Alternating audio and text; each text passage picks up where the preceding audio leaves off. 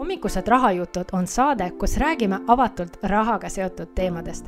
mina, Jekateriina Tint, räägin erinevate külalistega sellest, kuidas sissetulekut suurendada, teadlikult kulutada ning targalt ja jätkusuutlikult vara kasvatada. mõnede külalistega on meil ka kinnine osa, mis avalikku saatesse ei jõua ja kus osalejad saavad külalistele ka küsimusi esitada saates laivis osalemiseks registreeri ennast moneysmarterme.eu kaldkriips hommikused rahajutud tere hommikust kõigile, ilus pühapäev ja meil on järjekordne hommikused rahajutud live ja tegelikult täna on siis uus hooaeg äh, aasta kaks tuhat kakskümmend kaks, uus hooaeg. esimene külaline on meil siin meiega kaasas. tere, Marko. tere, tere. ja nagu tavaliselt meil on olemas avatud osa, kus me räägime Markoga rahaasjadest, äh, investeerimisest täna me räägime kindlasti ka startup ides investeerimisest, sest Mark on selles äh, spets ja on olemas ka kinnine osa, kus me räägime või vastame või Marko siis see tähendab, vastab küsimustele, mis võib-olla on kuulajatel tekkinud ja täna me teeme teiega ka loosi, kes siin laivis osalevad. aga kes äh, kuulab seda hiljem podcast'ina, siis selleks, et laivi osaleda, palun tule moneysmarterme.eu kaldkriips ET, ma arvan, ja siis hommikused rahajutud. nii et äh, kes meil täna külas on? Marko, ma võin näidata äh,. jällegi meil Youtube'i tuleb video, aga inimene, kes on, see on viimane, on ju, ei number mhm. üksteist mm. -hmm. see on viimane jah. kaheteistkümnest nad ei teinud või? aa, neil on teise veebruari investor ajakirja siis äh, kaane peal olev inimene koos Tõnis Denissiga Marko Oolo, kes on, äh, ma arvan, kõige tuntum kui investeerimisfestivali üks asutajatest. ja äkki, Marko, sa ise tutvustad ka, sest äh, sul oli päris pikk ja päris huvitav tutvustus, et kes sinuga veel tuttavad ei ole, siis. ja, et mm, jah, pikk, pikk ajalugu on investeerimisvallas, vähemalt, et me kaks tuhat neliteist aastal Tõnis Tõnis Mekuljaga alustasime sellist äh, kogukonda nagu investeerimisklubi, mis toimetas hästi aktiivselt kaks tuhat neliteist kuni kaks tuhat kaheksateist, kus me korraldasime siis kokkusaamisi investoritega, neid selle nelja aasta jooksul ligi kakssada viiskümmend tükki. Ja sellest kasvas välja ka investeerimisfestival, mis äh, tänavu toimub kaheksandat korda ja on äh, Eesti kindlasti kõige suurem, aga me isegi vist oleme nüüd kogunud informatsiooni, et Euroopas ainulaadne üritus, et investorid tulevad kolmeks päevaks kokku ja neid on kaks tuhat pluss ja et ma arvan, et kõige suurem eeskuju on siis Warren Buffetti aastakonverents, kus on viiskümmend tuhat inimest tavaliselt olnud. aga, aga jah, investeerimisklubi, investeerimisfestival, podcast'i tegime, investeerimisklubi podcast on Youtube'is ilusti olemas eh, ning, eh, ning eh, põhitööna töötanud äh, samal ajal nii Wise'is äh, kasvuanalüütiku kui tootejuhina ning pärast Wise'i superangelis investeeringute juhina. Seda, selle kohta ma kindlasti tahtsin küsida, et äh, analüütikust siis investeeringute juurde, aga enne kui me lähme äh, investeerimise teemale äh,, jällegi, kes investori ajakirja on lugenud, siis ma saan aru, et sa oled üht suuremat sündmust tähistanud just jah, või, või see on kätte jõudnud, et siis no. tähistasin võib-olla enda sünnipäeva ja siis samal ajal sattus see portfelli number ka. ja et siin on kindlasti üks küsimus muidu, mis on tulnud ka ja minu Instagrami, panin sinna kastikese et äh, vaata alustajad või algajad tegelikult ei taju seda, et kuidas raha saab ise vaata kasvada, et ma ei tee ju mitte midagi sest kõik on harjunud säästma, siis sul nagu tekib see summa nii vaevaliselt, aga kuidas on võimalik nagu suurte summadeni jõuda, ilma et sa reaalselt säästad nii palju et äh, see on, ma arvan, niisugune üks asi, mida igaüks, äh, ma loodan, et saab tunnetada oma portfelli pealt.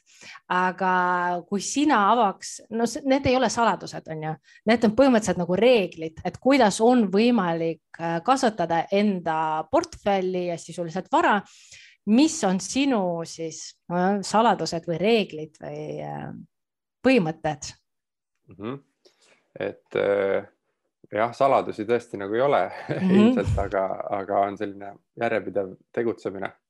et minu jaoks, kui siis noh, et siin on nagu nii palju häid küsimusi taga, et no võib-olla kõige huvitavam on see, et kuidas siis raha saab iseenesest tekkida.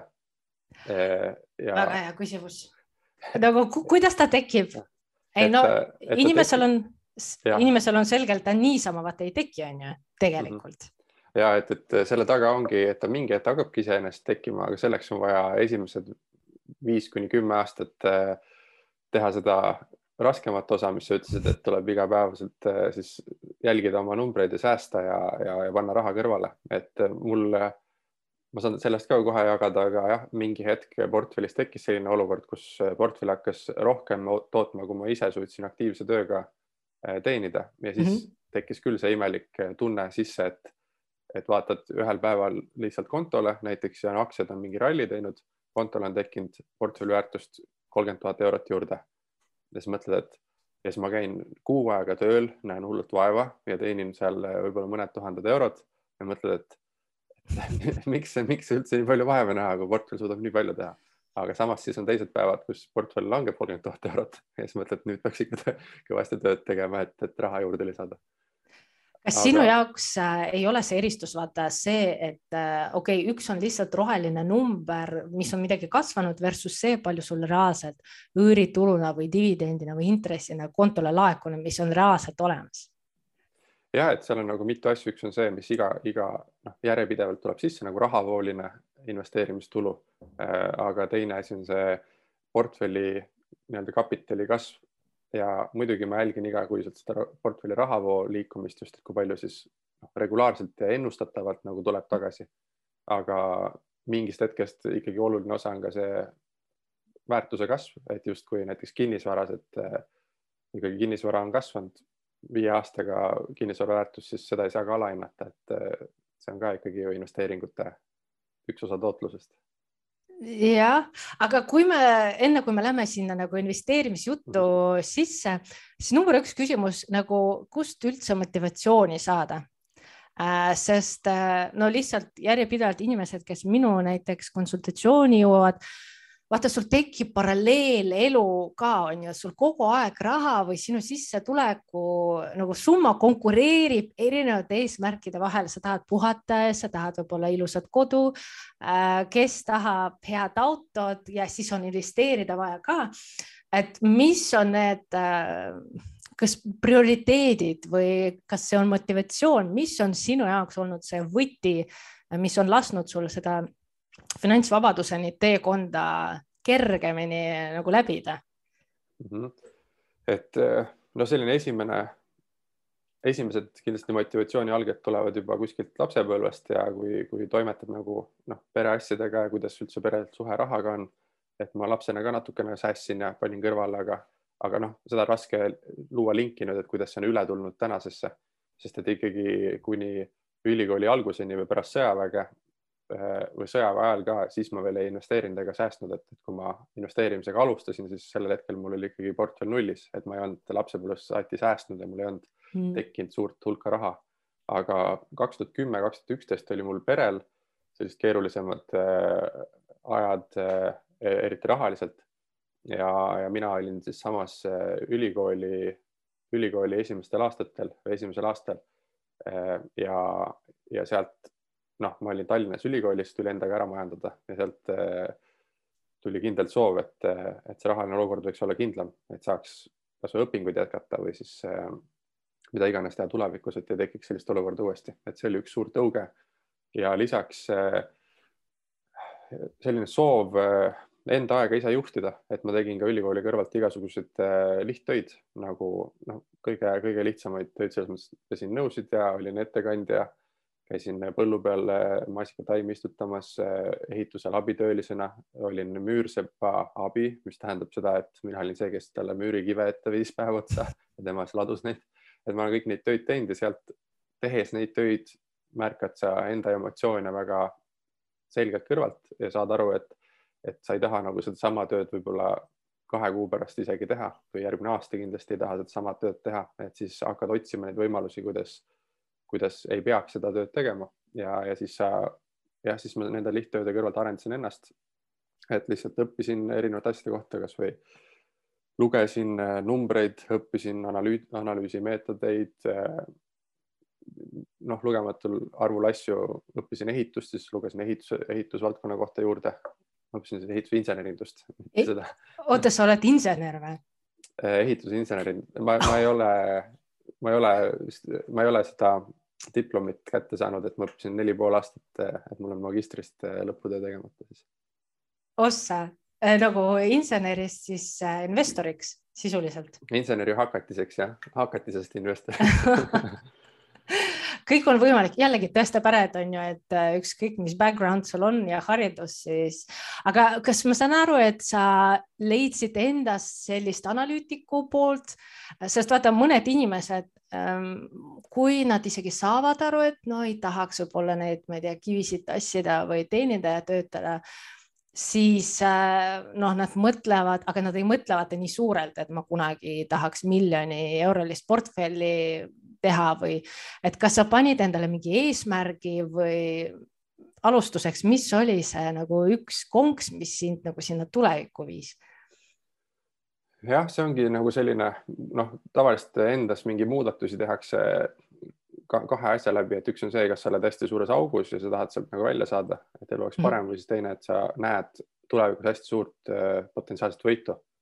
Ja siis hakkad toimetama, et mul oli nagu mingis mõttes eri aegadel kaks tükki, et üks oli pererahaline raske seis, mis mm -hmm. oli nagu see augu moment, et sellest välja tulla, teine oli see, et igapäevaselt toimetades näed, et, et tulevikus saab palju paremini et äh, jah, see sisemine motivatsioon, no igalühel on nagu oma punkt, mis seal nagu aitab või aitab, aitab nagu siis avastada, aga kindlasti investeerimisraamatud mingis mõttes aitavad alguses seda tuleviku potentsiaali nagu leida, et ma lugesin Rikas isa, vaene isa vist esimese raharaamatuna ja sealt hakkas üldse tekkima mõte, et mis võimalik kõik on mm. -hmm. ja mhm. siis äh, tänu sellele sai ka hakatud investeerimispoole liikuma, et seal oli väga selgelt kirjutatud, et äh, need kvadrandid ja kõik asjad, et yeah., et, et raha peab ise raha teenima ja, ja sa ei tohi enda finantsilist jõukust siduda kokku otseselt oma ajaga, et sul, et sa ei saa nagu kogu aeg raha ajaga välja teenida, et raha peab ise teenima ka.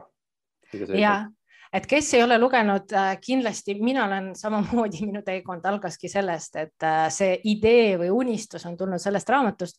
põhimõtteliselt sul on nagu neli võimalust, number üks, sa töötad teiste jaoks, saad palka, see on piiratud, on ju samas töötunnid on mõnevõrra ka piiratud, siis number kaks, sa hakkad freelance'i tegema, aga siis sul sihuke müük ja turunduse osa hakkab ka juurde tulema, kuigi sa saad mõnevõrra nagu paindlik olla tööaja osas. number kolm oli see, et sa ehitad endale ettevõtet ehk seda süsteemi, kus teised inimesed töötavad sinu heaks. ja siis number neli on see, et sa oled investor ja sa reaalselt aktiivselt ei tee tööd vaid raha teeb tööd sinu eest ja mina ütleks, igaüks meist kui me mõtleme nagu me tahame mingil hetkel olla see passiivne investor, sest kas äh, ma tahan nagu puhata kuu aega, et ma ei pea reaalselt tööd tegema, on ju, või ma tahan pensionile minna normaalselt, ilma et ma, ma ei tea, muretsen, palju siin riik mulle maksab või ükskõik, mis nagu mõtted need on. oota, kas sul siis ei ole olnud äh, uhked uut autot, Marko? noore inimesena ilus äh, auto oli, on küll olnud, mul on olnud liiga palju autosid, isegi ägedaid, sest et mul isa on vist kakskümmend viis aastat autodega tegelenud, nii et, et siis noh, mitte et ma, ma oleks ise saanud lubada endale autot, aga kuna ta tegeles autode ostmise ja müümisega, siis andis sõita mulle nendega, nii et ma sain selle süsteemist nagu vara välja võib-olla. täiesti vedas, ma ütleks, on ju, milline sääst. jah, täpselt kuule, aga lisaks äh, säästmisele, ma ei tea, kas sa oskad soovitada nagu säästmise poole pealt äh, kellelegi, kes alles alustab ja mõtleb, et noh, säästa, millest loobuda. mis soovituse sa annaks võib-olla enda nooremale? Mhm. kas sa teeks midagi teistmoodi või ei tee? no, no selline lihtsalt soovitusest rääkida, siis äh, ma näen, et nagu, et, et kui enda olukorda või tahad nagu jõukaks saada või nii-öelda rikkaks saada või, või investeerimises paremale, paremasse kohta või paremale elujärjele üldse, et siis on väga lihtsad tegevused, mis aitavad nagu sinna jõuda. Ja, ja see on nagu suht universaalne igas muus valdkonnas ka, et tuleks hakata, tuleks saada ülevaade enda tänasest olukorrast. See on nagu esimene, et äh, ükstapuha, mis valdkonnas, kas on spordis või milleski muus, eriti finantsides, sa pead saama aru, kus sa täna nagu oled. Ja, ja minul oligi see sellel hetkel see, et ma pidin aru saama, kui palju mul raha sisse tuleb, kui palju välja läheb. Ja ma pidin detailselt aru saama, et kus, kus see, kus need raha liikumised toimuvad, et kui mul see ülevaade on olemas, siis mul tekib ju ideid, mida mm -hmm. muuta. kui mul seda ülevaadet ei ole, see on väga raske nagu kuskilt kinni hakata. Ja see on täpselt sama olnud nii eelarve seadmises, et sa saad selle ülevaate, teine on finantseesmärkide seadmises. Ehk et kui ma tean, mis, kus ma täna olen ja kus ma homme võiksin olla, see on hästi lihtne sinnapoole liikuda versus see, et, et eesmärk on lihtsalt miljoni portfell näiteks või, või mingi suur rahasumma, et siis on väga raske homme midagi teistmoodi mm -hmm. teha. ja, ja viimane on, on ka portfellis, et kui sa tahad äh, tootlust teenida ja leida paremaid investeerimiskohti, siis tuleb investeeringud üles kirjutada, et aru saada, kuidas eelmised tehtud tehingud töötasid ja kas ma peaksin tulevikus midagi muud tegema. et minu jaoks on olnud see puhtalt äh, enda olukorrast arusaamine, aga mitte lihtsalt nagu tunnetuslikult, vaid ka paberi peal või Excelis või kuskil kirjutades ülesse nagu enda hetkeseisu. et muidu ei ole ju võimalik äh, leida neid viise väga hästi, mida paremaks teha nõus, nõus, et selles mõttes see ongi selline vaata isiklik finantsplaneerimine ja ükskõik just mis valdkonnas planeerimine, ma ei tea, spordis ka, et äh, mis sul hetkel tulemused on, kuhu sa tahad jõuda. ja siin on see küsimus, kas sina oled pigem see inimene, kes seab endale ebarealistlikke eesmärke või pigem realistlikke eesmärke? ma, ma sean nagu mõlemaid, et ma sest ma, et see soovid on alati suhteliselt ebarealistlikud nagu noh, tänases punktis, kui sa mõtled, et noh, et et noh, ma täpselt ei tea, kuidas ma sinna jõuan, aga ma tean, et ma tahaksin nagu kunagi seal olla. ja siis teine tööriist on see, et sa proovid nendest ebarealistlikest äh, äh, siis unistustest või soovidest teha endale reaalselt saavutatavad väiksed vahetulemuse eesmärgid. see on nagu minu tee olnud, et no ütleme, kui mul oli null eurot portfellis ja, ja oli soov jõuda nii-öelda finantsvabaduseni, siis see iseenesest on natuke ebareaalne. noh, et mingit taustateadmist otseselt ei ole, aga soovid saada ja siis ma soovisin seda saada veel kolmekümnendaks eluaastaks. ja siis mm -hmm. see oli nagu ebarealistlik, sest et kui ma selle välja arvutasin, see oleks tähendanud, et ma oleks pidanud säästma kaks tuhat viissada eurot kuus ja tollel hetkel ma suutsin säästa sada eurot kuus. noh, et väga ebarealistlik, aga, aga siis, siis ma jah, joonistasin endale välja, et mis ma pean tegema järgmisel kuul, kus ma pean olema ülejärgmisel kuul niimoodi endale väiksed kuised tulem-, nagu vahetulemuse eesmärgid ning nende suunas on oluliselt lihtsam töötada, kui, kui selle suure suure helesinise unistuse nimel. oota, aga kas seal ei tule vaata nagu startup induses niisugune nagu hokistikk, et, äh, et alustuseks jah, sada eurot, noh, järgmine kuu on sada eurot, siis veidikene palka juurde, säästad rohkem, aga tegelikult äh, näeb see hokistikina välja või? Äh, no vahetulemuse eesmärgid enamasti ei näe hokistikina välja, et tavaliselt sa proovid nagu noh, kui sa ise eesmärki sead, mis oleks saavutatavad, siis sa mõtled nende realistlikult välja. et et siis sa panedki, et kui palju on sinule saavutatav, aga sa ei, mina kunagi ei, ole, ei suutnud sisse arvutada, et, et äkki mul see kaheksa aasta pärast teenib portfell kuus eh, kümme tuhat eurot. noh, see tundus, et mm. seda ei saa mina kontrollida, et ma pigem panen endale eesmärgid selle järgi, kui palju ma suudan iga, iga, iga kuu ise säästa aktiivsest tööst. ja sissetuleku osas panid ka eesmärgid või? Sissetuleku osas ma ei ole pannud eh, eesmärke tegelikult, et ma olen alati proovinud teha tööd, mis, mida ma naudin, kus ma saan areneda ja, ja teha seda võimalikult hästi, sest ma olen alati arvanud, et see sissetulek tuleb ise järgi mm -hmm. panusele. ja ma olen tänase päevani samamoodi töötanud ja tänu sellele ma olen, minu need palgatõusud on alati tulnud aasta aega hiljem, kui ma olen alustanud panustamist nagu rohkem panustamist, et iga kord on sama reegel olnud, et ma olen hakanud midagi uut tegema, võtnud hästi palju vastutust juurde ja siis mm -hmm. kuskil aasta jooksul tuleb palgatõus ise järgi, et äh, ma ei ole läinud nagu otseselt äh, enne manguma palgatõu-, palgatõusu, äh, kui ma ise ei ole panustanud veel.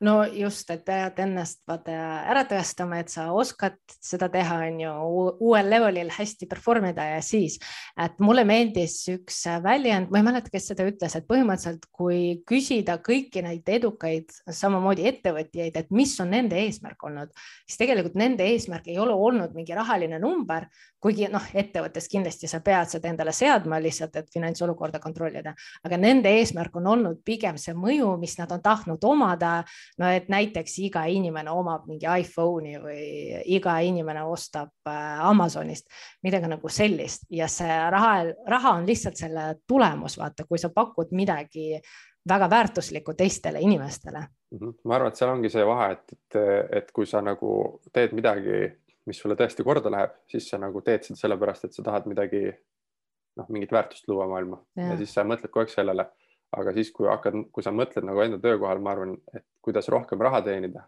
siis saad aru, et tegelikult noh, motivatsioon tuleb mujalt, et see ei tule sellest, et ma tahan head asja teha, vaid tuleb sellest, kuidas rohkem raha teenida, et siis saab ise ennast kalibreerida, et võib-olla see töökoht täna tegelikult ei ole see, mis, mis sinule nagu seda jah, sinu missiooni aitab edasi viia, et sa täna sa töötad seal pigem nagu raha pärast rohkem ja siis on võimalik mõelda, et kas on kuskil mujal, kus ma saaksin jah. Veel...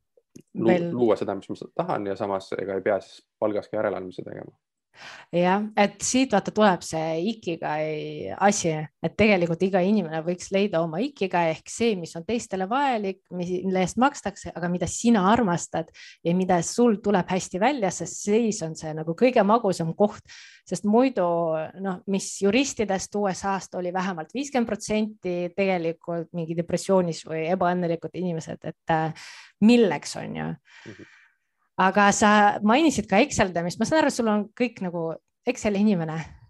ja et ma kooli ajal ka pigem olin äh, matemaatikas, füüsikas ja keemias ja nendes nagu tugevam, kuigi ma teisi suutsin ka äh, normaalsel tasemel nagu ära kõike teha, aga pigem see on mu tugevam külgkond, et, et siis ma, ma kindlasti olen selles tugevam ja tänu sellele ma naudin täna nagu ka Excelis aja veetmist mingitel õhtutel, aga, aga ma ei, jah, et seal on erinevad levelid nagu, et noh, mingi level sellise oma numbrite kirjapanemis on, on, on tehtav kõigile, ma arvan mm. -hmm. see on nagu yeah. oma päeviku, päeviku pidamine enam-vähem, et sa suudad ikka kirja panna nagu noh, väikseid asju niimoodi ja siis võid minna täiesti ekstreemseks nagu mina, kus mul on oma suur portfell Excel, kus on äh, kümneid tuhandeid ridu nagu üles kirjutatud infot ja siis, et noh, seda ei pea kõik tegema, et ma arvan, et investeerimine ei ole see, et sa pead seda tegema, et, et edukalt investeerida või suurt portfelli ehitada, vaid tegelikult on hästi väiksed ja lihtsad asjad, mida tegema peaks,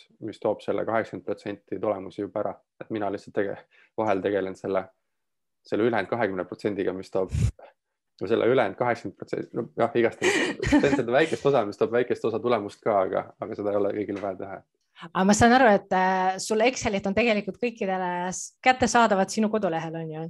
Needsamad? ja, et ma olen neid ise kaheksa aastat nagu teinud, siis on hästi paljud inimesed küsinud, siis ma mingi hetk äh, panin need ülesse. et või saatsin inimestele, kui nad küsisid ja nüüd ma panin nad kodulehele ülesse ja seal on äh, mingi marginaalne rahasumma on ka taga, sest et äh, mingi hetk oli nii, et kui tasuta inimesed alla laadsid, laadsid, siis mul oli postkastis äh, sadu kirju ja Aha. siis, ja siis ma vastasin nendele väga agaralt, aga keegi neist ei hakanud rakendama, et siis ma nägin, et kui paned kaks eurot sellele tabeli hinnaks, siis inimesed on väga motiveeritud seda kasutama hakkama. aga noh, kui arvestada sisse, et ma kaheksa aastat olen neid asju arendanud, selle teinud mm, -hmm. siis see kaks eurot teeb minu tunni hinnaks null koma null null null null null null null üks sent. ja no igatahes muidu äh, laivis osalejatest keegi õnnelik saab endale võita neid tabeleid, on ju. täna siis kinnise osas äh, teeme niisuguse väikse loosi.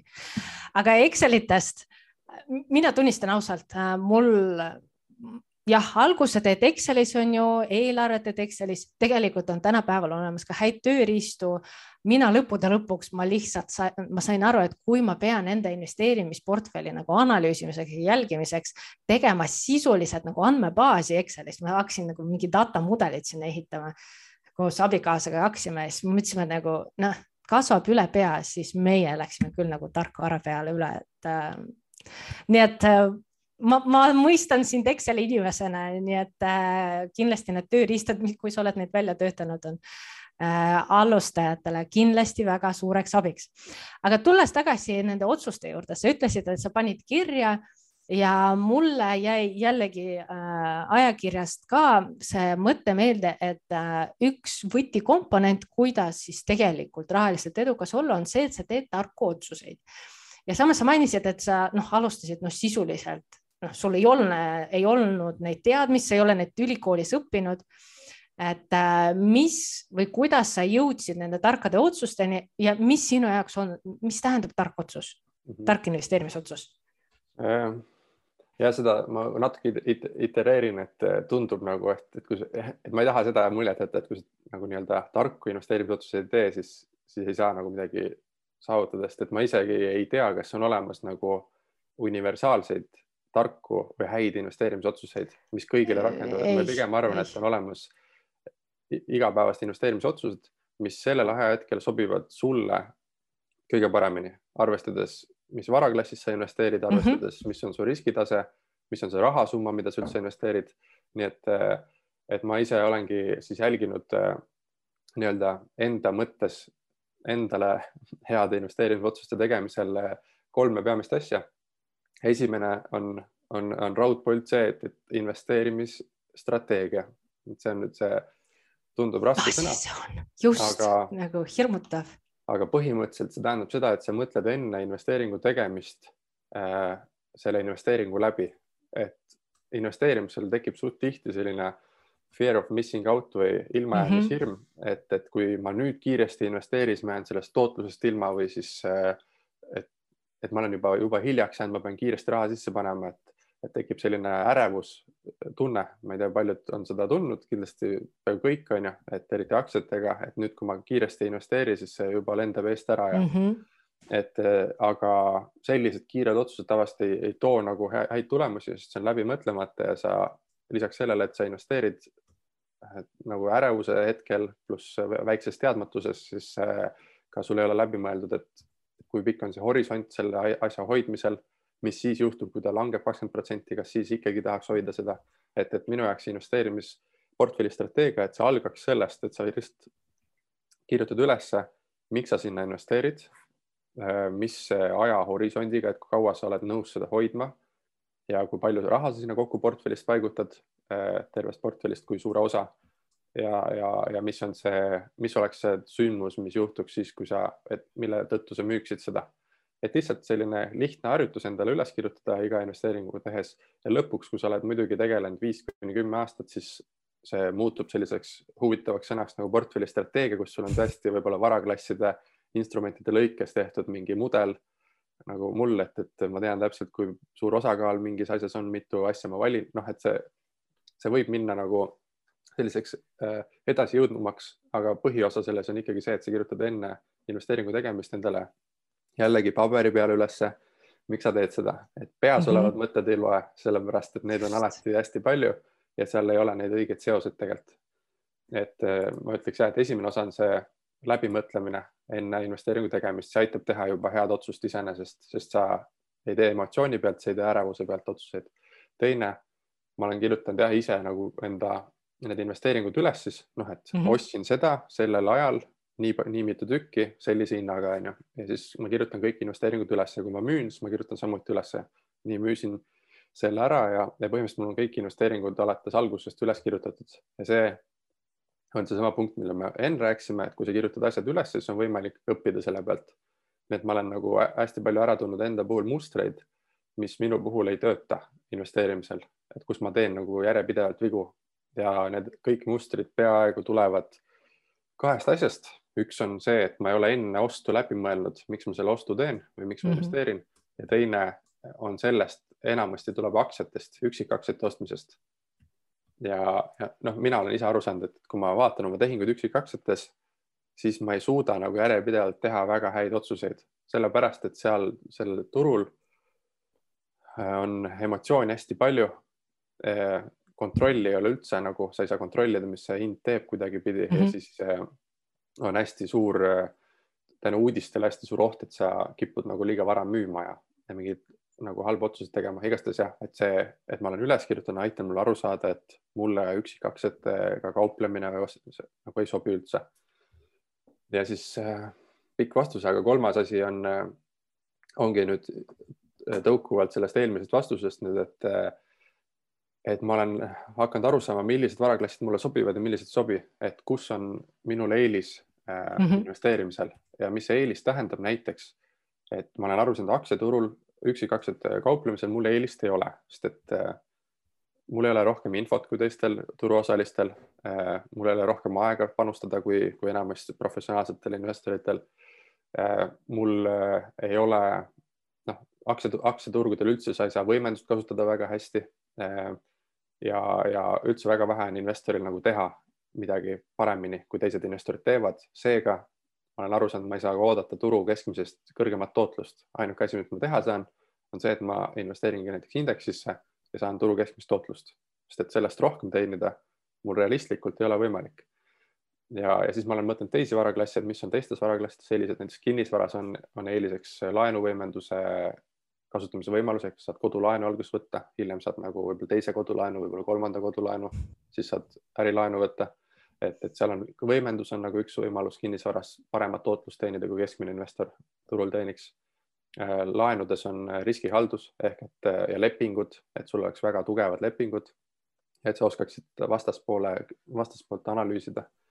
ja iduettevõtetes on ka nagu valdkonna kogemus aitab paremat tootlust teenida, et pikk, pikk jutt nagu kokkuvõttes siis jah ma ei teagi.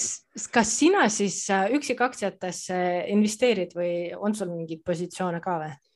mul on mingeid positsioone ja, aga, aga ma pigem kuidagi suhtun äh, veidi teistmoodi neisse, et, äh, et ma justkui nagu investeerin sellesse nagu sarnaselt nagu ma teeksin iduinvesteeringuid, et ma valin ühe ettevõtte välja, mille tegevus mulle meeldib, siis ma investeerin mm -hmm. sinna ja siis hoian hästi pikka aega, et ma proovin mitte vahepeal kuidagi tootlust teenida seal, müüa, osta ja vahetada.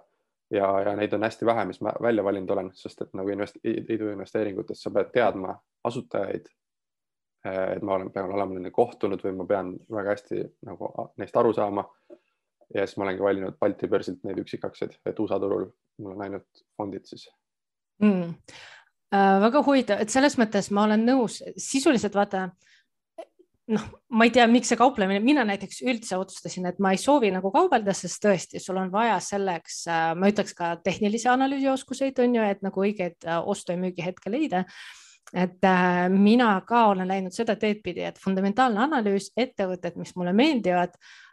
Mina vaatan veel seda ettevõtet, mis on globaalses trendis sees ütleme niimoodi, retail võib-olla tarbimine peaks nagu vähenema, on ju, mul need ettevõtted kuidagi väga ei sümpatiseeri, aga samas äh, üks minu lemmikud positsioonidest, ma arvan, on äh, üks reit, mis tegeleb vanemate äh, nagu hooldekodudega. noh, sest see on nagu pikaajaline trend, ma tean, see on vajalik. NHI või? See läks mul kehvasti, ma mäletan, et ma sain seda ideed minu meelest sinu kaudu, see läks ei, minu kaudu ei saanud, mina sain ka kellegi teise kaudu selle idee. aga vot äh,, ei, seda ma müüsin lõpuks ära, sest äh, neil oli mingi teine, mul on see Idifika mm. -hmm. Nad laienevad üle Euroopa ja siis äh,, kui ma selle peale jõudsin äh,, no neil on lihtsalt nagu tugev ambitsioon, jällegi tegemist ei ole investeerimissoovitusega äh,, neil on tugev äh, kasvuambitsioon pluss neil on ESG osa nagu hästi tugev, mis meil aruandes mulle meeldis ja ma jõudsin ka osta neid õigel hetkel. et igatahes number üks on see, et nagu miks sa seda ettevõtet tahad osta äh, ja number kaks võib-olla, mis on kõige keerulisem ja me Kristjaniga rääkisime eelmises osas, vaata see, et kuidas leida seda õiget hetke, millal osta sest siin on number üks, kas sa teed tehnilist analüüsi, et aru saada, mis on see, ma ei tea, õige tase ja siis ootadki, ma ei tea, kui pikka aega selleks, et seda ettevõtet osta number kaks, sul on võimalus sisuliselt osta regulaarselt, kui sa oled identifitseerinud, see ettevõte mulle meeldib, ma ei tea, kuidas tal läheb, ma ei tea, millal nagu see tuleb negatiivne uudis, et ma saaks odavamalt osta, et iga kuu sama summa eest ostuhinna keskmistamine. ja number kolm on teha sisuliselt valuation'id on ju ja siis äh, no üritada jällegi sealt samamoodi vaadata näiteks B tasemete pealt, et mis tasemelt äh, ma seda ostaks mm. -hmm. et äh, ma ei tea, kas Eesti aktsiate juures teed sa mingeid valuatsioone või vaatad B-d või, või millal sina ostad? Äh, jah, et võib-olla nüüd laiemalt, et siis äh, minu nagu viimane see arusaam on nagu selline, et, äh, et äh, hästi palju on hästi huvitav rääkida üksikaktsiatest, sest need on nagu kõige huvitavamad, seal Just. nagu toimub kõige rohkem aga portfelli või keskmise investori või eriti algaja investori jaoks nagu selles üksikaktsiate valimisel, et reaalselt seda eelist nagu väga ei ole, et kuidas saaksid mm. nagu teenida rohkem ja siis paljud nagu investeerivad just üksikaktsiatesse lootusega, et ma teenin turu keskmisest rohkem. aga minu arust noh, see ootus on vale, et, et kui sa investeerid üksikaktsiatesse, pead arvestama, et sa teenid tõenäoliselt turu keskmisest vähem.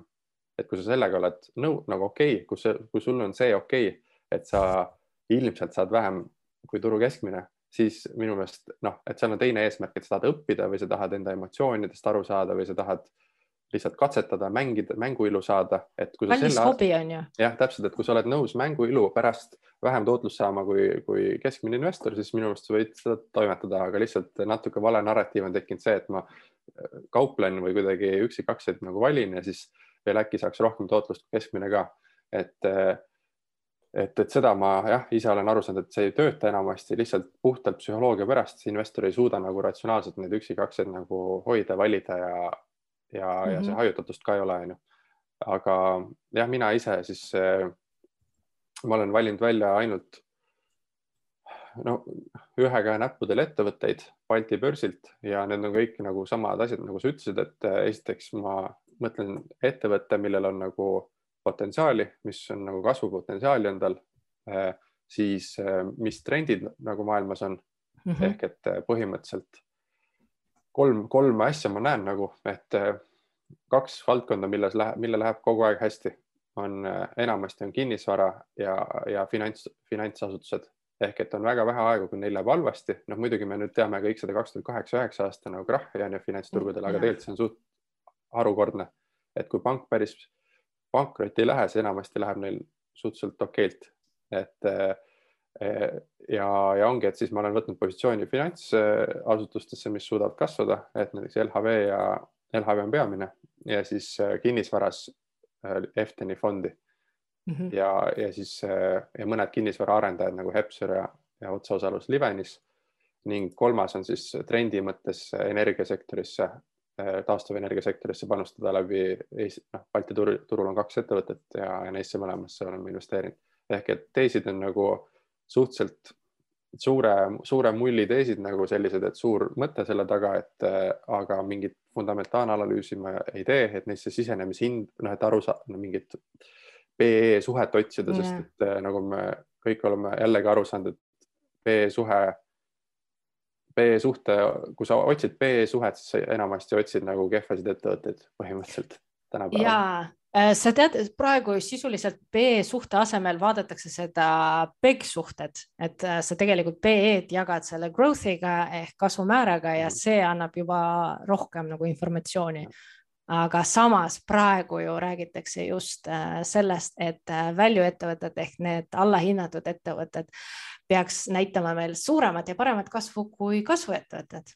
jälle, et see on see hüpotees, et siis ma siin kuidagi, mul on jälle mingi eelis, et nüüd ma tean, nüüd ma olen targem kui keskmine ja ma noh, võib proovida ja katsetada, lihtsalt mina olen nagu, ma ei ütle, noh, ongi, et nüüd peab aru saama, et miks ma seda räägin, on see, et ma olen kaheksa aastat ise nagu noh, ka nokkinud neid ükshaaval ja proovinud seal ja, ja vaatan, kuidas mu emotsioonid töötavad ja siis ma saan aru, et, et minu jah, psühholoogia ei toeta seda mm -hmm. seda mhm. strateegiat üksikaktsiaid valida ja kuidagi sealt kasu nagu rohkem tootlust teenida. Indeksid kõrval on paremini tootnud, tootlust teinud kui need üksikaktsia valikud kogu summa summarumina. muidugi mul on investeeringuid, mis on, mis on paarsada protsenti nagu teinud aktsiates ja, aga samas, kui ma võtan kokku, kõik kokku need kahjumlikud tehingud ka, mis ma teinud olen, siis indeks on paremini tootnud, et ja jah, et ainuke, miks mina seda teeks, ongi see, et kas ma tahan kindlasti panust võtta mingis ägedas ettevõttes, mis mulle meeldib, et indeksisse saada mm -hmm. kõike, aga siis võib-olla ma tahan lihtsalt, mulle meeldib LHV mulle meeldib ja siis ma ostan seda või Eften, et Viljar Araks on nagu äge tüüp, ma kindlasti ostan seda. noh, et, et selline nagu. miks B tõuseb juht, juhtkonna pärast on ju?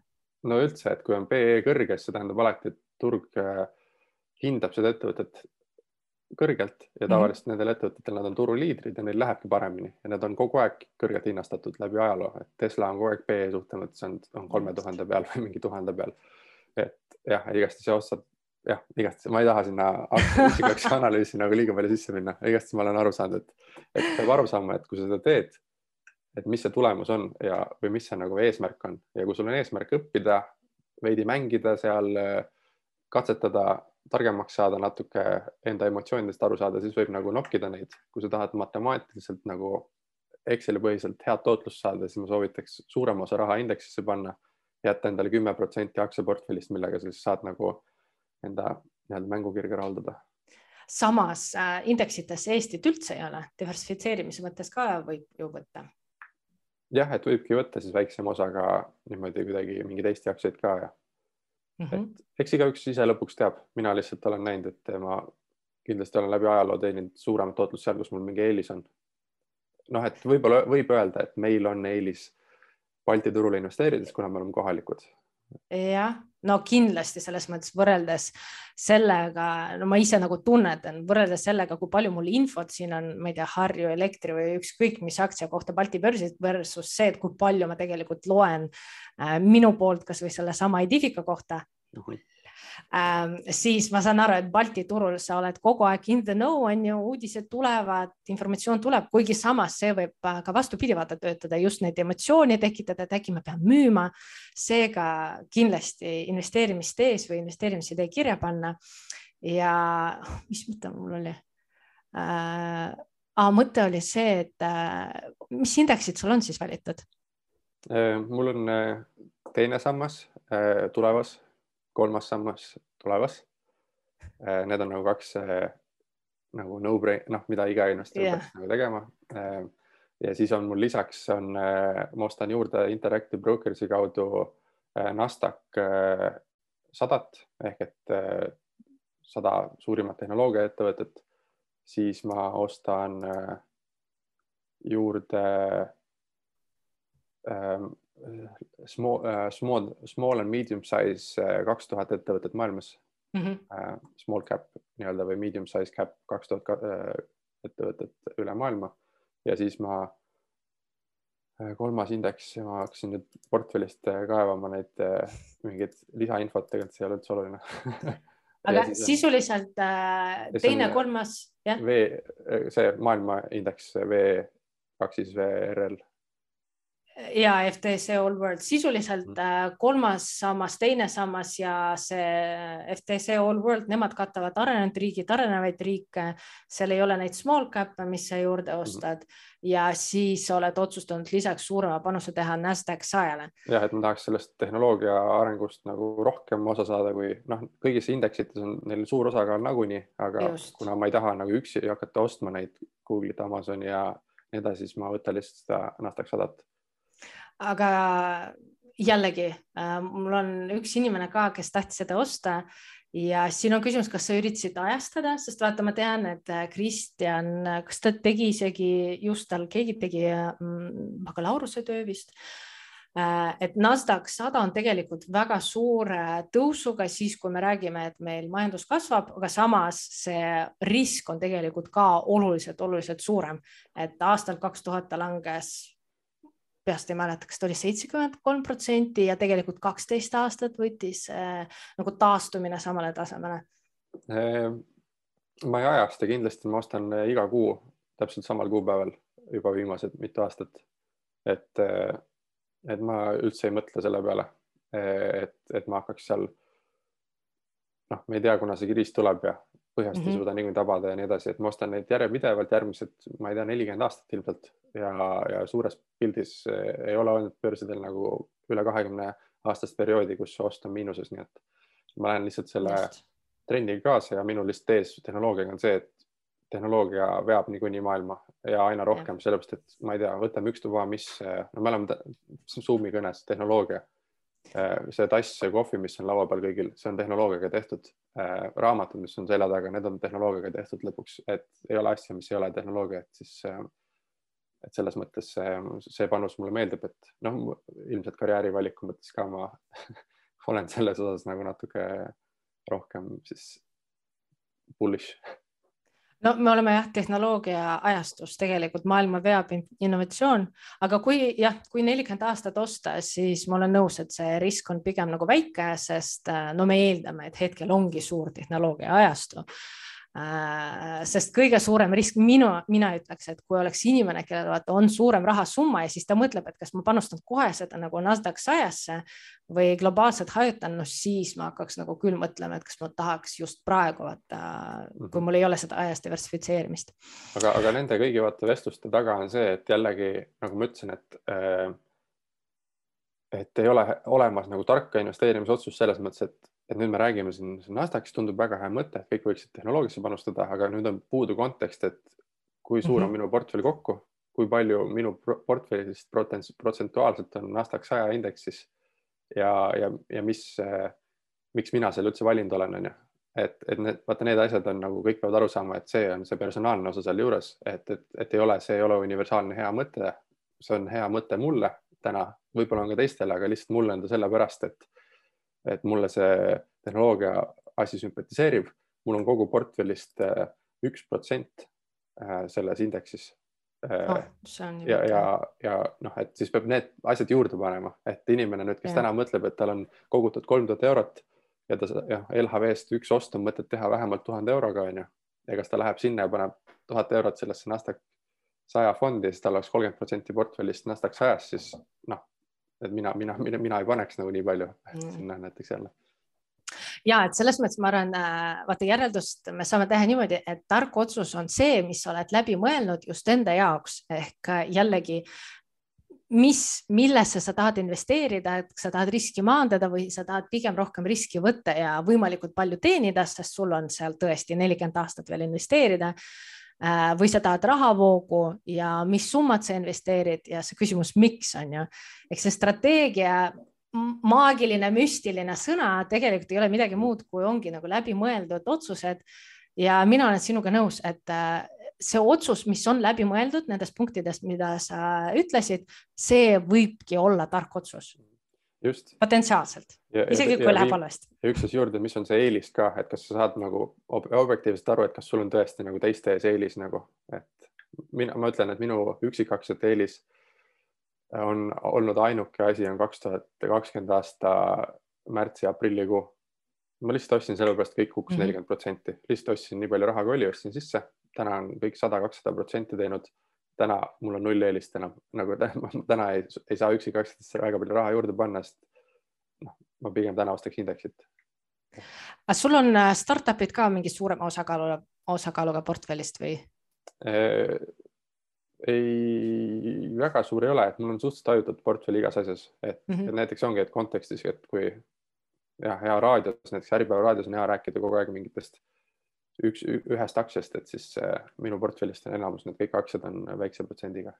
nagu väga väike, kogu portfellist väga väike hulk on nagu üldse ühes aktsias mm -hmm. või ühes investeeringus, et äh, samamoodi kidudega, et, et äh, ma ei teagi, mis võib-olla jah, paar, paar protsenti on kõige suuremas äh, üksikkidu positsioonis et sul on sisuliselt üksikus aktsiates maksimaalselt äh, mis on see maksimaalne protsent, mida sa ühe ettevõttesse oled valmis panema? ma olen valmis kuni viis protsenti panema, aga mm -hmm. see peaks olema väga, väga ainu, noh, harukordne ettevõte mingis mõttes, et täna mul on kaks koma viis on nagu kõige suurem, et mul LHV-s mm -hmm. on kaks koma viis protsenti. Ehm, siis on mul Eftenis on äh, jah, ütleme Eftenis on nagu kaks koma viis või natuke rohkem, aga noh, Eftenit ei saa võtta üksikaktsiapositsioonina positsioonina jälle natuke, et ta nagu kinnisvarafond on ju mm. -hmm.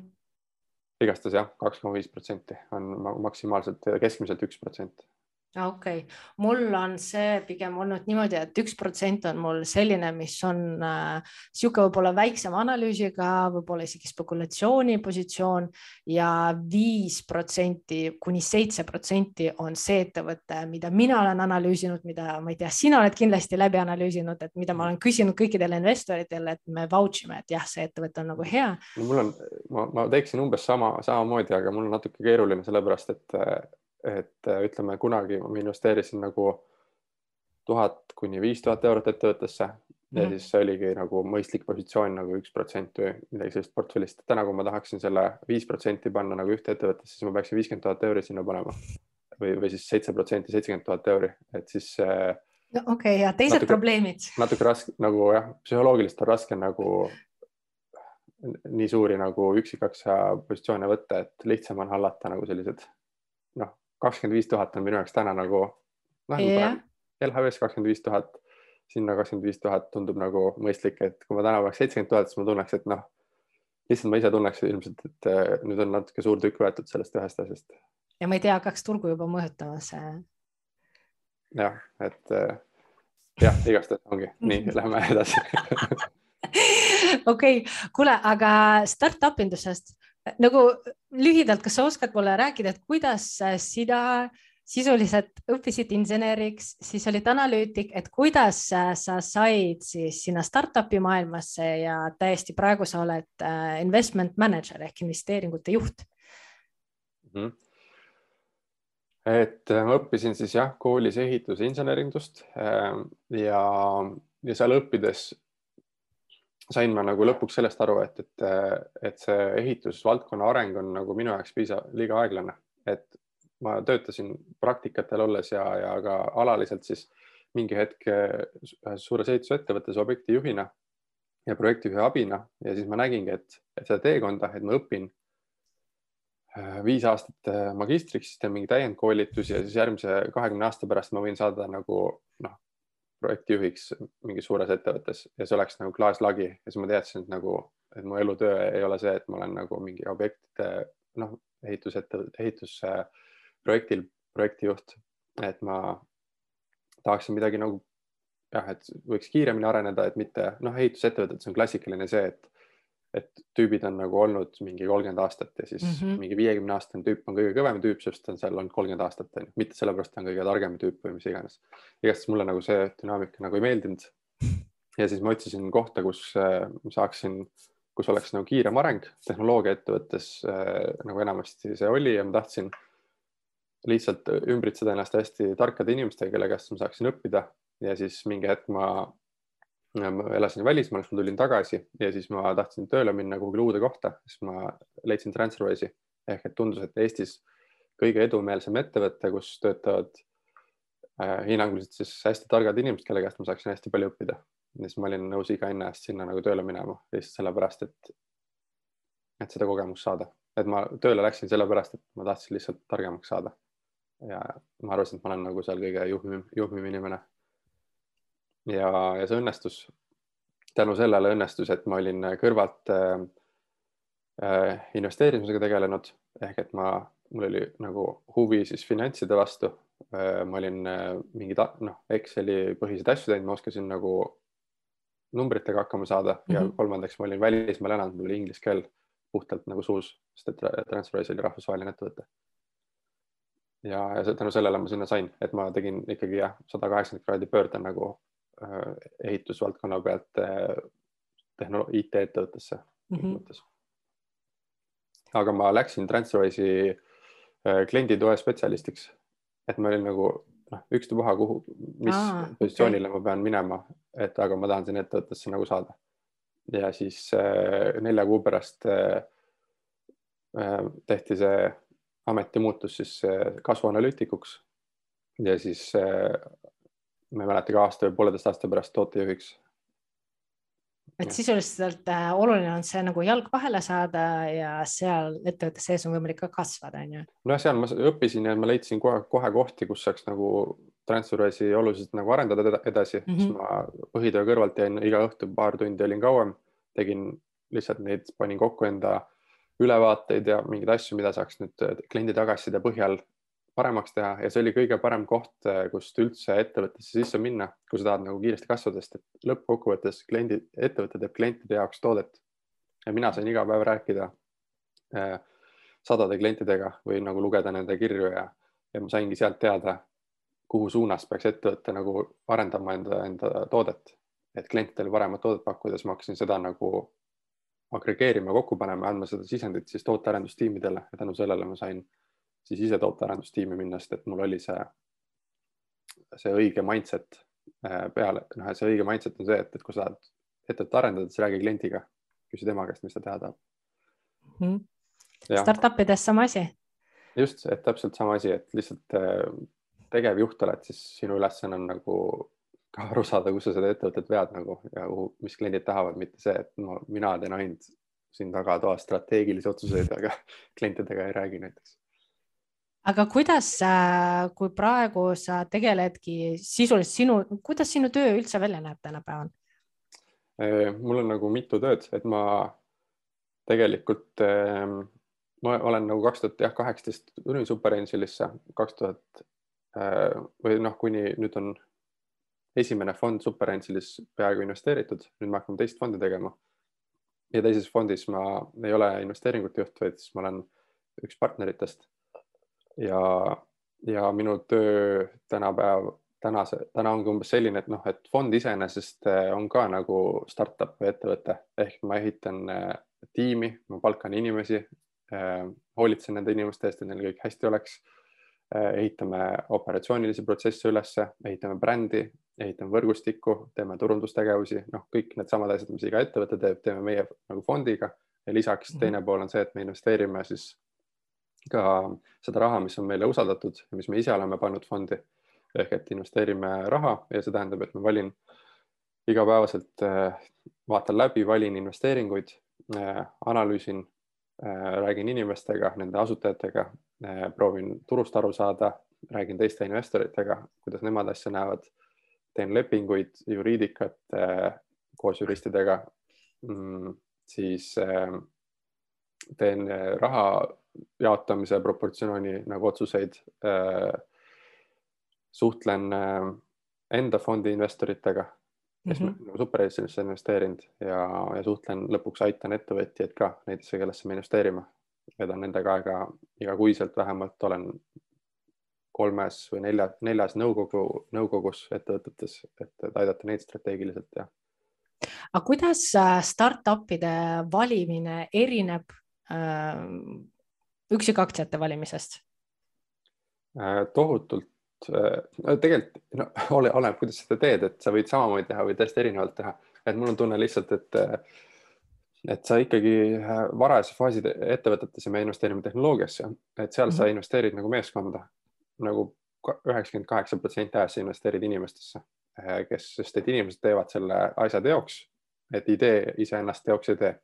nii et me nagu investeerime peamiselt inimestesse ja see ongi see erinevus, kõige suurem erinevus ka mm. -hmm. ehk et sa vaatadki seda tiimi kõige rohkem ja, ja muidugi aitad nagu noh, kõige muuga kaasa ja vaatad muid asju ka, aga lihtsalt see on peamine, et tehnoloogia, börsiettevõtetes on nagu vastupidi, et ma vaataks ainult neid majanduslikke numbreid enamasti ja väga tiim nagu ei, ei huvitagi nagu või mingis mõttes, et eh, et inimesed isegi noh, ei kohtu kunagi selle ettevõtte juhiga. ja, minu, minu jaoks on ka see muutnud seda, et ma täna investeerin neisse ettevõtetesse, kus ma tean, kes seda veab, ma olen seda inimest nagu näinud või temaga rääkinud korduvalt ja siis, siis ma investeerin sellesse ettevõttesse.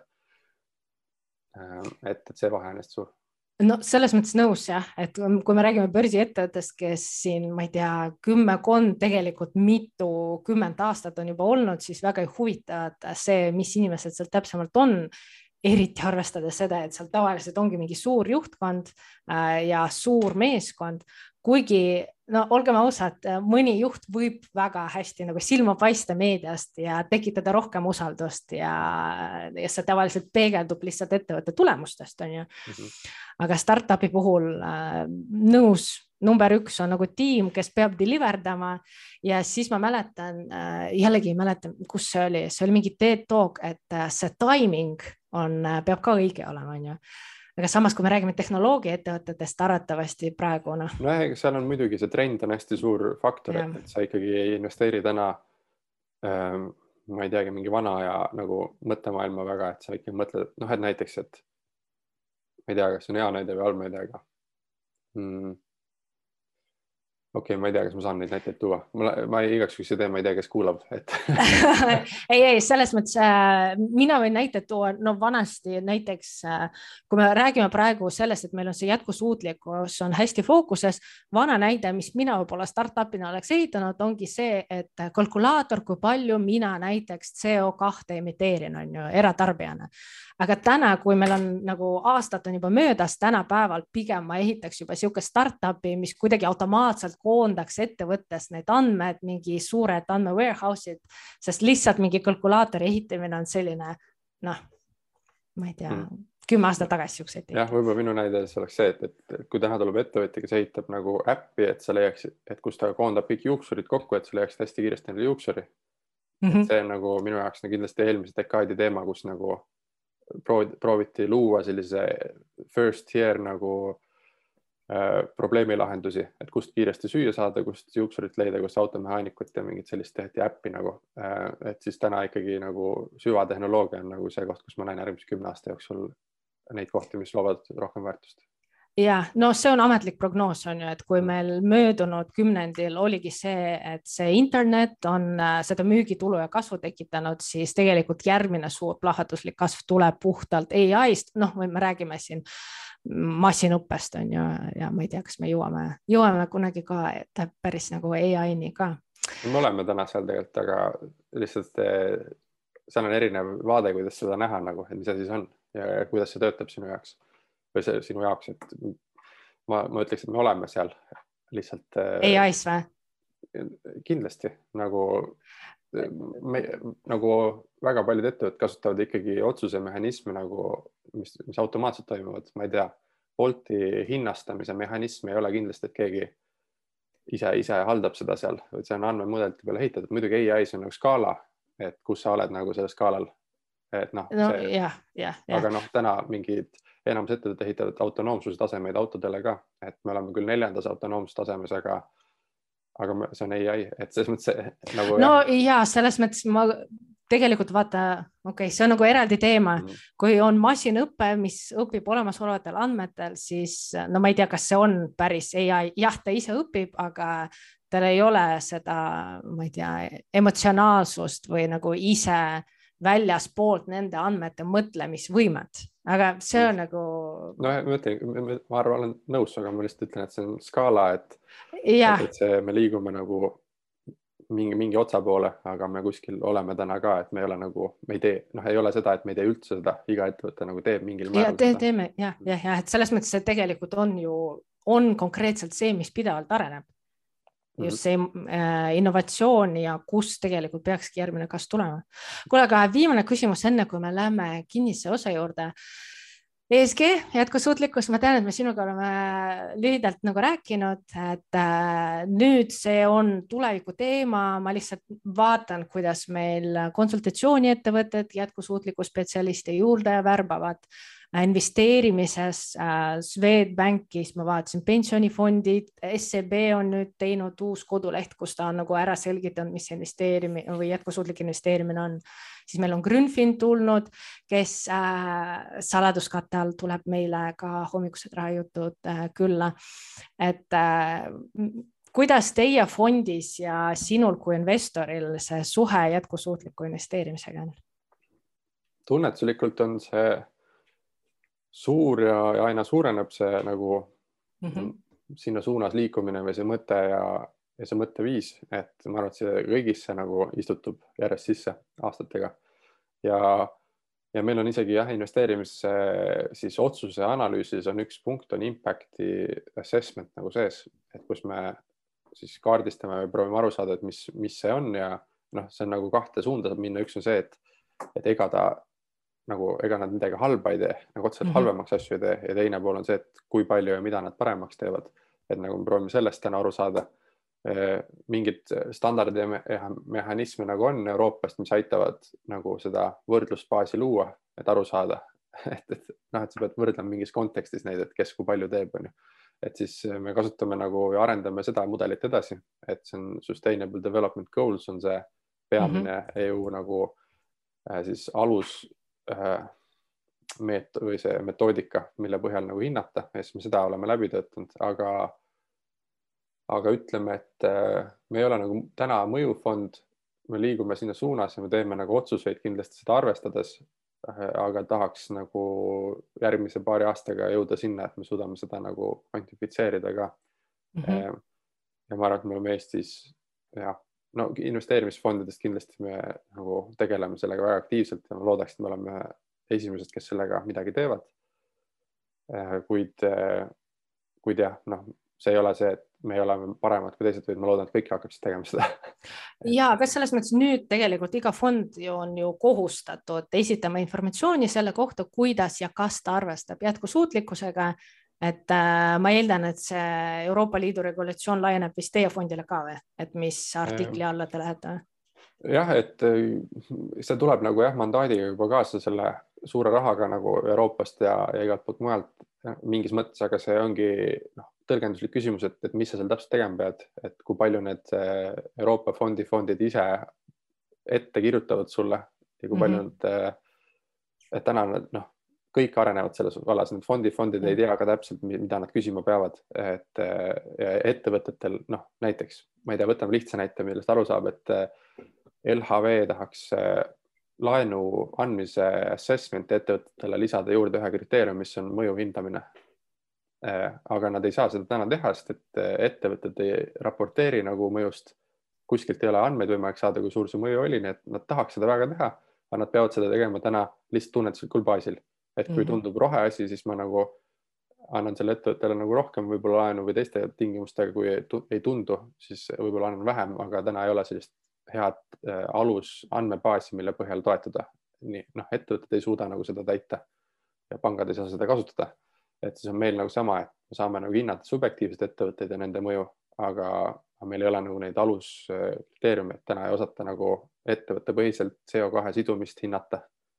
Nagu et, et näiteks on palju ettevõtteid, kes tegelevad metsanduse, metsanduses CO2 sidumisega ja siis on väga suur küsimuse koht, et kui palju riik juba enda kvootidesse selle sidumist ja juurdekasvu asja sisse arvutab ja kui palju sinu startup'il jääb seda lisategevuse sidumist, on ju, et väga keeruline turg, et riik ühelt pidi võtab osa sinu, sinu arvutusmeetodid nagu jah, kasutab juba ära, igastahes võib-olla lähme liiga sügavale, aga, aga.... ja igatahes äh, see jätkusuutlikkusest teemast, ma arvan, ma täitsa nagu teen eraldi kindlasti mingi saade, sest äh, vaata see, ma tegin Instagramis küsitluse ka Äh, ja kes ei ole vaadanud, ma postitan täna siis uuesti seda story't, et äh, seal oli uudis, et äh, põhimõtteliselt investorid finantseerivad indigenous people, ma ei tea, kuidas see eesti keeles mhm. on, võimaldavad neid sisuliselt kohtusse kaevata no kohtusse kaevata keegi, kes on nende nagu maa ära võtnud,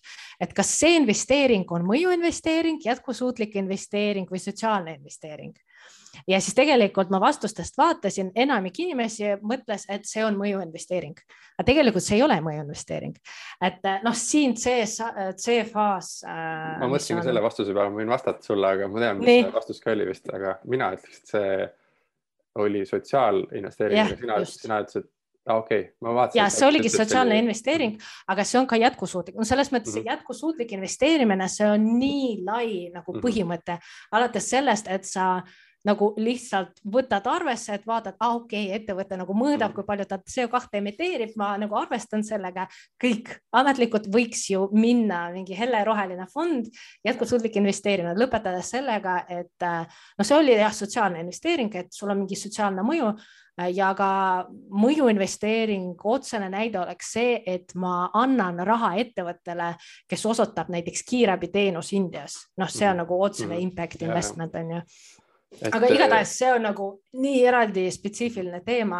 aga ma võin öelda jah, mis me teeme nagu fondiga või mida mina ise teen, on see, et kõik ettevõtted, kellega ma üks-ühele nagu töötan ettevõttes, ma teen endale sellist KPI äh, sessiooni, et aitan neil enda key performance indicatorid paika panna ja välja mõelda. ja minu üks, äh, mul on kolm kategooriat seal, üks on business KPIs, see on financial KPIs ja siis on impact KPIs mm. ja ma teen neile sellist kolm nagu plokki ja igas ühes mõtlevad nagu enda äri baasil nagu need välja ja impact'i osas ma nagu surun hästi palju selle impact nii nende missiooni nagu KPI osas, mis missioon neil on nagu ettevõttes ja teine, mis on nagu see siis äh, ecological KPI, et kuidas nad tõlgendavad enda missiooni nagu sellesse, et siis ma ei teagi, väike, väike tõuge sellesse, et eh, vähemalt ettevõtted mõtlevad, kuidas nende äri nagu väljendub siis mõjus kuule, väga äge, et äh, selles mõttes praegu, kui ma vaatan, mis nagu maailma trendis toimub, näiteks äh, Mariana Mazzucato, kes on üks äh, majandusnõunikuid Euroopa Liidule, tema kirjutas raamatu, ongi nagu purpose driven, kus ta väljendabki seda seisukohta, et tegelikult iga ettevõte peaks hakkama nagu selle purpose ehk sul ongi missioon, mida sa nagu maailmas lahendad, mitte ainult see, et me ei hooli rahast, vaid me hoolime tegelikult nendest tulemustest, inimestest, keskkonnast et see on niisugune number üks ja raha number kaks ja ma tean, et BlackRocki CEO, kelle fondi Tuleva investeerib, iShares on ka nagu öelnud, et äh, kõik me ei, see shareholder mudel, kus ettevõtted muretsevad ainult siis aktsionäride tulu eest, et äh, tegelikult me peaks ja oleme juba tasapisi üle minemas sinna stakeholder mudeli peale, kus meil ongi väga mitmeid huvitatud osapooli, kliendid, töötajad, keskkond, põhimõtteliselt see kogukond on ju, kus ettevõte näiteks töötab. Äh, et äh, nende kõikide eest hoolitsemine nii et äh, väga äge äh, see mõte, kolm KPI-d, business financial impact äh,, tegelikult minu meelest see idee võiks olla, mida iga investor, ka alustav investor, kes võib-olla tunneb huvi üksikaktsiate või üksikettevõtte analüüsi vastu äh,, kes võib enda jaoks ka teha Excelis või läbi vaadata, et mis on need põhi, kas numbrid või äh, äri puhul, ma ei tea, mingid küsimused, millele ma otsin vastust, enne kui ma mingit otsust ära teen, on ju. Mhm. ja sealhulgas seda impact'i juurde lisada nii, aga aitäh, äh, see on siis meie avatud, avalik avatud osa meie hommikuse rahajutud podcast'ist saates me ei anna investeerimissoovitusi ega kutsu sind väärtpaberit ostma ega müüma või muid investeerimistehinguid tegema. Küll aga kutsun ma sind üles õppima ja tegema vajalikke samme selleks, et enda rahalist heaolu parandada. kogu saade teabe on informatiivne ning enne investeerimisotsuste langetamist palun tee omapoolne analüüs